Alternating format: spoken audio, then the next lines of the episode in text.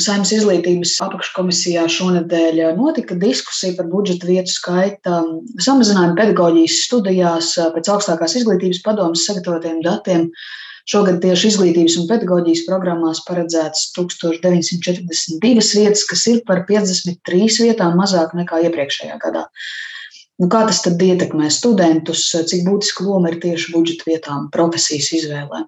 Nu, tā nevajadzētu būt, ja mēs uh, gribam speciālistus, jo īpaši mēs arī esam identificējuši, par ko arī uh, Līsda runā, uh, ka pedagoģu skaits ir kritisks, tad mēs nevaram griezt uh, nost šīs te, uh, budžeta vietas. Un tāpat arī jebkurā citā nozarē, kur mums ir nepieciešams speciālisti vai kur ir studējošo pieprasījums. Tad mums ir jāņem vērā kontekstam Latvijas situācija, kur studējošie nāk no dažādiem sociālo-ekonomiskajiem teikt, foniem. Un, ir studējošo daļa, kas Latvijā ir salīdzinoši liela, kuriem ir būtiski, vai viņu izvēlētajā profesijā ir pieejams budžeta vietas. Un, ja nav, vai arī šajā konkursā izkrīt no tām, tad vienmēr ir otrās, trešās prioritātes, kas tad ir sekundāri un, un tā tālāk. Pavisam noteikti mēs neatbalstam, ka vispārībā tiek mazinātas šīs budžeta vietas, jo mums būtu jāvirzās pretējā virzienā, ka Mēs dodamies pretī valsts dotētai augstākai izglītībai, pilnībā valsts dotētai augstākai izglītībai, ka katram studējošiem ir izvēle, ko viņi vēlas studēt un kādā šajā karjeras ceļā viņi vēlas doties.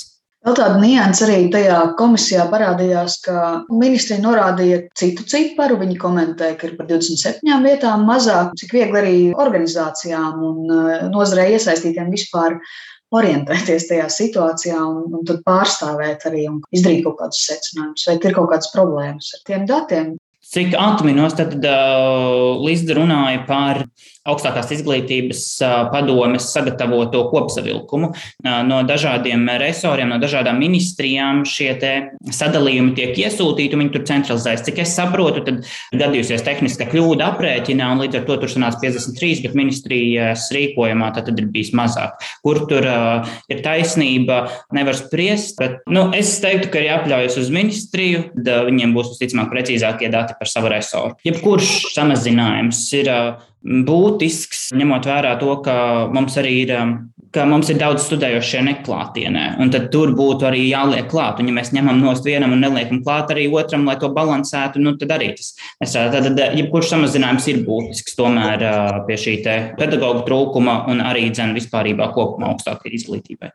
Bez budžeta vietām studentiem ir iespēja pretendēt arī uz valsts garantētiem kredītiem. Kā jūs pat labāk vērtējat tā finansējuma pieejamību studiju kreditēšanai?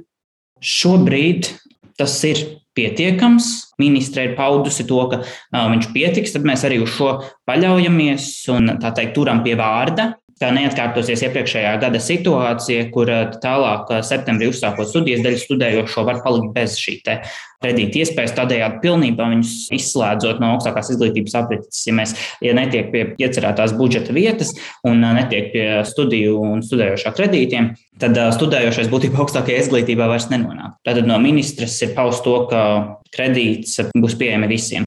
Kā kopumā jūs to nevienlīdzības plaisu vērtējat? Ņemot vērā šobrīd aktuālo Covid krīzi, arī energo krīzi, tas jau viss ģimeņu budžetus ietekmē un tam līdzīgi, vai, jā, vai tas padziļina vai, vai nē. Nu, ir kaut kādas jau sekas vai nav. Ja mēs skatāmies tieši kontekstā ar Covid pandēmiju un arī šo energoresursu krīzi, nu, protams, ka tas samazina studējošiem iespējas strādāt vai nopelnīt pietiekami izdzīvošanu, tas ir mainīt prioritātes, un to, tos tās sekas mēs visticamāk redzēsim datos atspoguļojamies par šī gada atbirumu studējošo, cik tad ir pārtraukuši šogad studijas. Tad attiecīgi skatīsimies, kas ir bijuši tam pie iemesliem. Un tas arī uz uzņemšanu var atspēlēties tādā veidā, ka studējošie nebūs pārliecināti par šīm savām Tad iespējām izdzīvot studiju procesā, primāri aizies uzreiz darba tirgu, iespējams, mazāk kvalificētās profesijās, un tad mēs zaudējam šos potenciāli vēl spožākus prātus. Nu, tā tīri pēc manām domām un spriežot pēc pieredzes, viņa visticamāk palielinās šobrīd šī nevienlīdzība, jo tie, kas ir tādā stabilākā, drošākā finansiālajā situācijā, šķiet, ka arī šo krīzi pārdzīvos. Tie, kas ir uz tās robežas vai mazāk nodrošināti, nu, mēs varam saskarties ar to, ka būs šis sakos atbirums studējošo vidū. Tad mums ir jādomā, kā mēs varam papildus stimulēt studējošos. Par to mēs arī Latvijas studentu apvienībā šonadēļ, nākamnedēļ sāksim diskusijas iekšēji, kāda ir tā situācija, centīsimies apzināt, saprast un tad tālāk arī runāsim ar ministriju. Jau ir jau prātā kaut kādi priekšlikumi, kā palīdzēt? Konkrētus priekšlikumus, protams, mēs izstrādāsim darba grupās un diskusijās, bet nu, viens no atbalsta mehānismiem, kas, lai arī mēs esam ļoti pateicīgi, ka šis 99,60 eiro stipendijas ir paceltas šobrīd uz 140 eiro, bet tomēr kontekstā, ja mēs skatāmies plašāk, tad 31. decembris bija pēdējā diena, kad bija spēkā noteikumi par paaugstinātajām 200 eiro apmēra stipendijām. Tad šeit jau ir tas 60 eiro, lai arī šķiet, ka tas ir salīdzinoši maz, bet tomēr uz, nu, var palīdzēt tajā cenu paaugstinājuma ziņā, tīri no energoresursu krīzes, tomēr sekt kaut kādus šos izdevumus.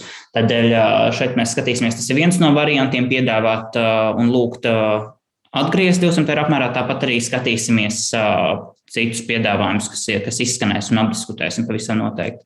Par pašu mācību procesu es saprotu, ka mācības lielākoties augstskolās pat labi notiek klātienē, nu, atkarībā arī no augstskolas un tam līdzīgi. Bet tagad jau ir pagājis arī kāds ilgāks laiks, un ir tāda vesela droši vien studentu paudze, kas ir studējusi tikai šādos apstākļos, mainīgos vai attālināti, tad klātienē, un joprojām sadzīvo ar to, bet kā ir tas ietekmē to zināšanu kvalitāti? Kad jūs sākāt īsi pirms pandēmijas? Tas bija tas pats akadēmiskais gads, kad sākās pavasarī, sākās, tad rudenī uzsāku.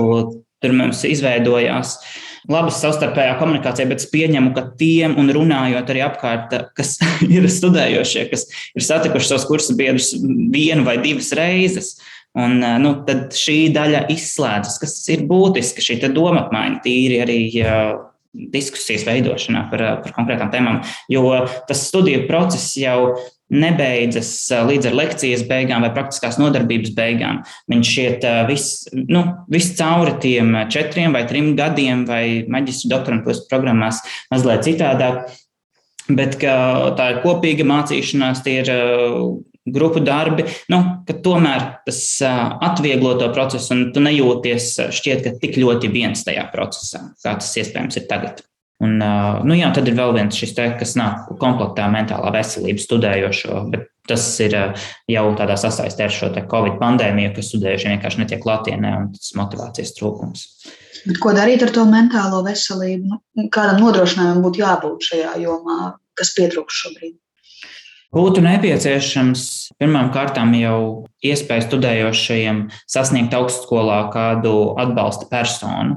Un tas viss atspēlējas, atgriežas pie finansēm. Piemēram, lielākajās augstākās izglītības iestādēs, Stradiņa Universitāte, Latvijas Universitāte, viņi piedāvā šo psihologu konsultāciju, ko lielāks budžets to var atļauties. Savukārt mums ir mazāka izmēra, tad augstskolas kur tas nu, ietekme uz budžetu ir lielāka. Tad mēs raudzītos uz to, ka no ministrijas puses līdzīgi kā nāk dažādi atbalsta pasākumi skolēniem, tad arī studējošajiem tēmēti mentālās veselības stiprināšanai veltīti pasākumi. Tas var būt gan sporta aktivitātes, gan konsultācijas šīs psihologu, gan arī dažādi citi pasākumi, kurus ir iespējams īstenot, lai, lai studējošie tomēr justu to atbalstu, ka viņi ir nepieciešami vēl joprojām. Jo nu, tas attēlotais, kā jau teicu, atsvešina tas monitors ļoti studējošo no, no tās vidas.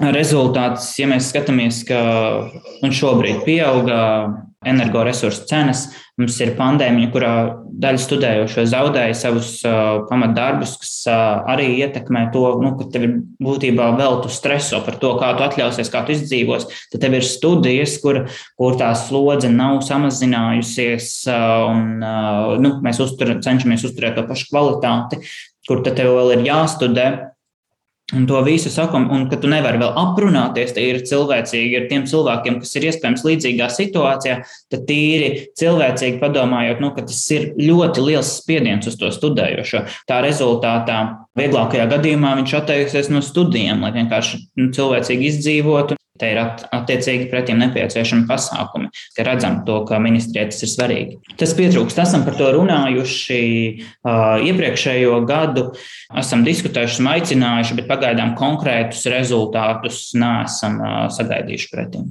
Vai jūs organizācijā esat par to runājuši, vai arī apkopot informāciju, kā ar vakcinācijas aptveri studentu vidū? Latvijas radio pagājušā gada nogalē pāris augstskolas aptaujāja, visām bija virs 90%, tagad pieaug, nepieaug. Vienu brīdi šis te skaitlis vakcinācijas aptvers bija ļoti korelēja ar šo sabiedrības, cik, cik mēs vakcinējamies. Tad mēs kopīgiem spēkiem aizgājām līdz šīm aptverēji, kas ir ieskaitot, ja es pareizi atminos, arī pārslimojušos līdz šiem 90%.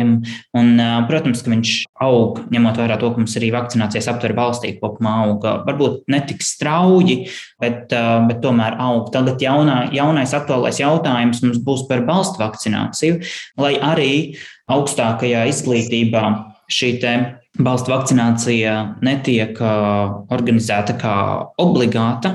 Tomēr mēs jau sarunās ar augstskolu vadībām, tāpat arī ar Izglītības zinātnes ministriju, mēs centīsimies, mēs esam lūguši apkopot datus par balstu vakcinācijas aptveri studējošo vidū, un, un tad attiecīgi arī aicināsim, mudināsim un skaidrosim tās nozīmību. Jo, ja arī tas obligāti nav uzstādīts, tad mēs augstākajā izglītībā cenšamies rādīt šo priekšzīmi, tā kā mēs nodarbojamies ar zinātni, vairāk vai mazāk, tad mēs uz to paļaujamies, analizējam, un, ja tas ir ceļš ārā no pandēmijas, tad mēs noteikti tajā piedalāmies. Protams, jautājums ir par studējošiem atvērts, kas ir izvēlējušies nevakcinēties, un kas, kas ar viņiem notiks. Ir augstākās izglītības iestādes, kurai tiek organizētas studijas hibrīd formātā, respektīvi, ka daļa studējošo ir klātienē, bet daļa piedalās attālināti. Protams, tur ir jā, jāizsver, cik daudz ir nepieciešams piedalīties praktiski, nodarbībās un, un tam līdzīgi faktori, bet tur, kur to ir iespējams nodrošināt pilnībā, tad attālināti, tad mēs to redzam kā, kā ieguvumu nezaudēt tomēr studējošos, kam domas atšķirās, un to nu, pazaudēt šķiet, ka nevajadzētu.